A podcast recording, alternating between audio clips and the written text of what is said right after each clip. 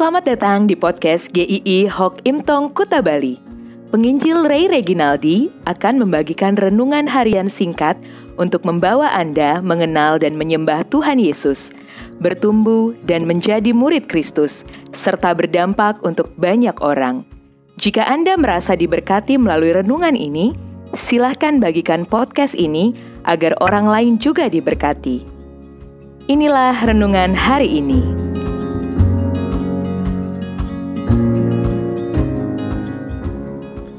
Siapakah Yesus? Matius 16 ayat 15. Lalu Yesus bertanya kepada mereka, "Tetapi apa katamu? Siapakah aku ini?" Saya ingat waktu kecil kadang suka bermain dengan teman-teman, menutup mata seorang teman dari belakang dengan tiba-tiba lalu bertanya, "Ayo tebak, siapa saya?"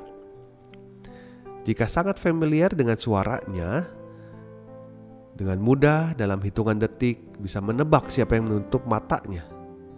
Atau bahkan jika aroma tubuhnya itu sangat kita kenal, tidak kesulitan menebak siapa yang menutup mata kita dari belakang. Ketika kita bisa menebak dari suara, dari aroma teman kita itu, itu kita mengakui bahwa ada identitas dari diri orang itu yang sangat melekat. Tapi pengakuan tentang Tuhan Yesus jauh lebih penting dari tebak-tebakan Pengakuan akan siapa Tuhan Yesus itu punya pengaruh yang sangat vital di dalam hidup setiap orang. Tuhan Yesus memulai menanyakan kepada murid-murid pendapat orang-orang tentang siapa dirinya. Mereka adalah orang-orang yang pastinya tidak sedekat dengan para murid-murid. Banyak terkaan tentang siapa Tuhan Yesus. Banyak yang bicara bahwa Tuhan Yesus adalah Yohanes Pembaptis, Elia, Yeremia, atau salah satu dari para nabi. Sekalipun itu adalah nama-nama besar di sejarah bangsa Israel, tetapi pengakuan itu sangat jauh sekali dari benar tentang identitas Tuhan Yesus. Banyak orang tahu siapa Tuhan Yesus. Banyak orang sudah mendengar nama Tuhan Yesus tapi banyak juga yang tidak mengenalnya dengan benar. Tetapi Tuhan Yesus berganti sasaran. Dia menanyakan hal yang sama kepada para muridnya. Tetapi apa katamu, siapakah aku ini? Pertanyaan ditujukan kepada murid-murid yang selama ini bersama-sama dengan mereka. Maka jawaban yang sangat berbeda meluncur dari mulut Petrus. Kau adalah Mesias, anak Allah yang hidup. Kita tidak tahu reaksi para murid-murid yang lain tentang pengakuan dari Petrus ini, atau kita juga tidak mengetahui pikiran mereka tentang siapa Yesus buat mereka. Tapi menurut Petrus, Yesus adalah Mesias, anak Allah yang hidup.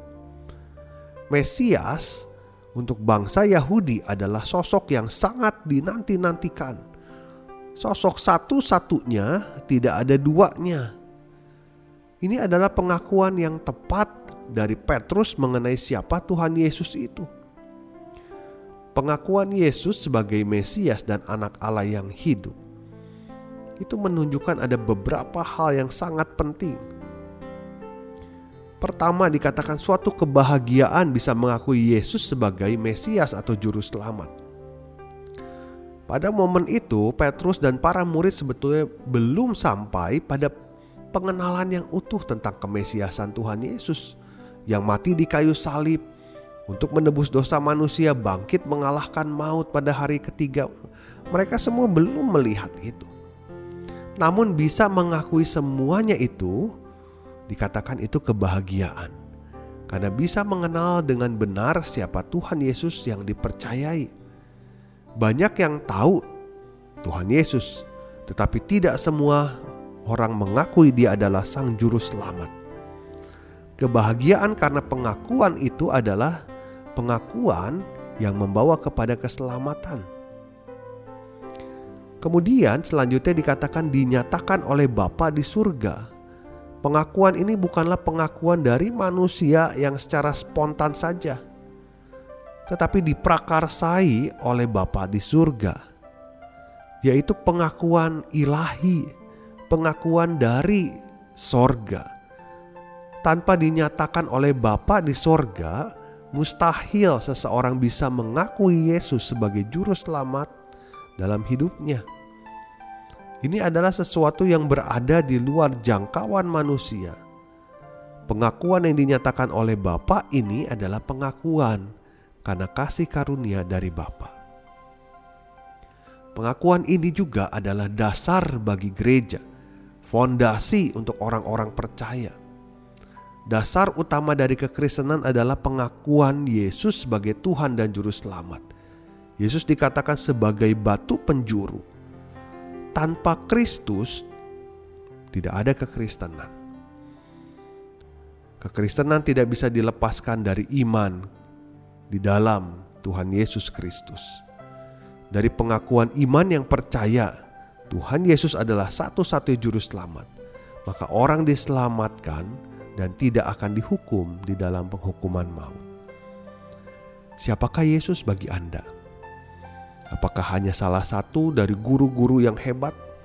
Apakah dia hanya salah satu nabi saja? Atau dia memang satu-satunya juru selamat? Hanya di dalam dialah jalan keselamatan. Sampai jumpa di episode selanjutnya. Tuhan memberkati.